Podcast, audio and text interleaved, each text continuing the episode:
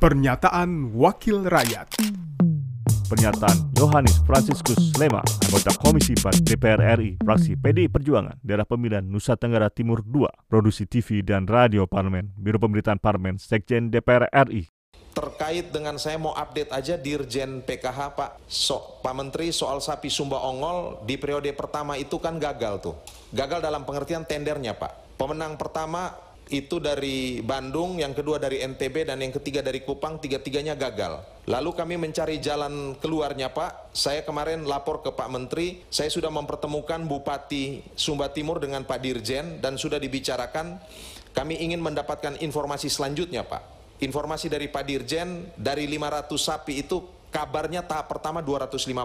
Bagi kami Pak Dirjen tidak masalah, tetapi karena keputusan rapat itu 500, mohon itu tetap konsisten. Karena terus terang kita tidak ingin berurusan dengan aparat penegak hukum.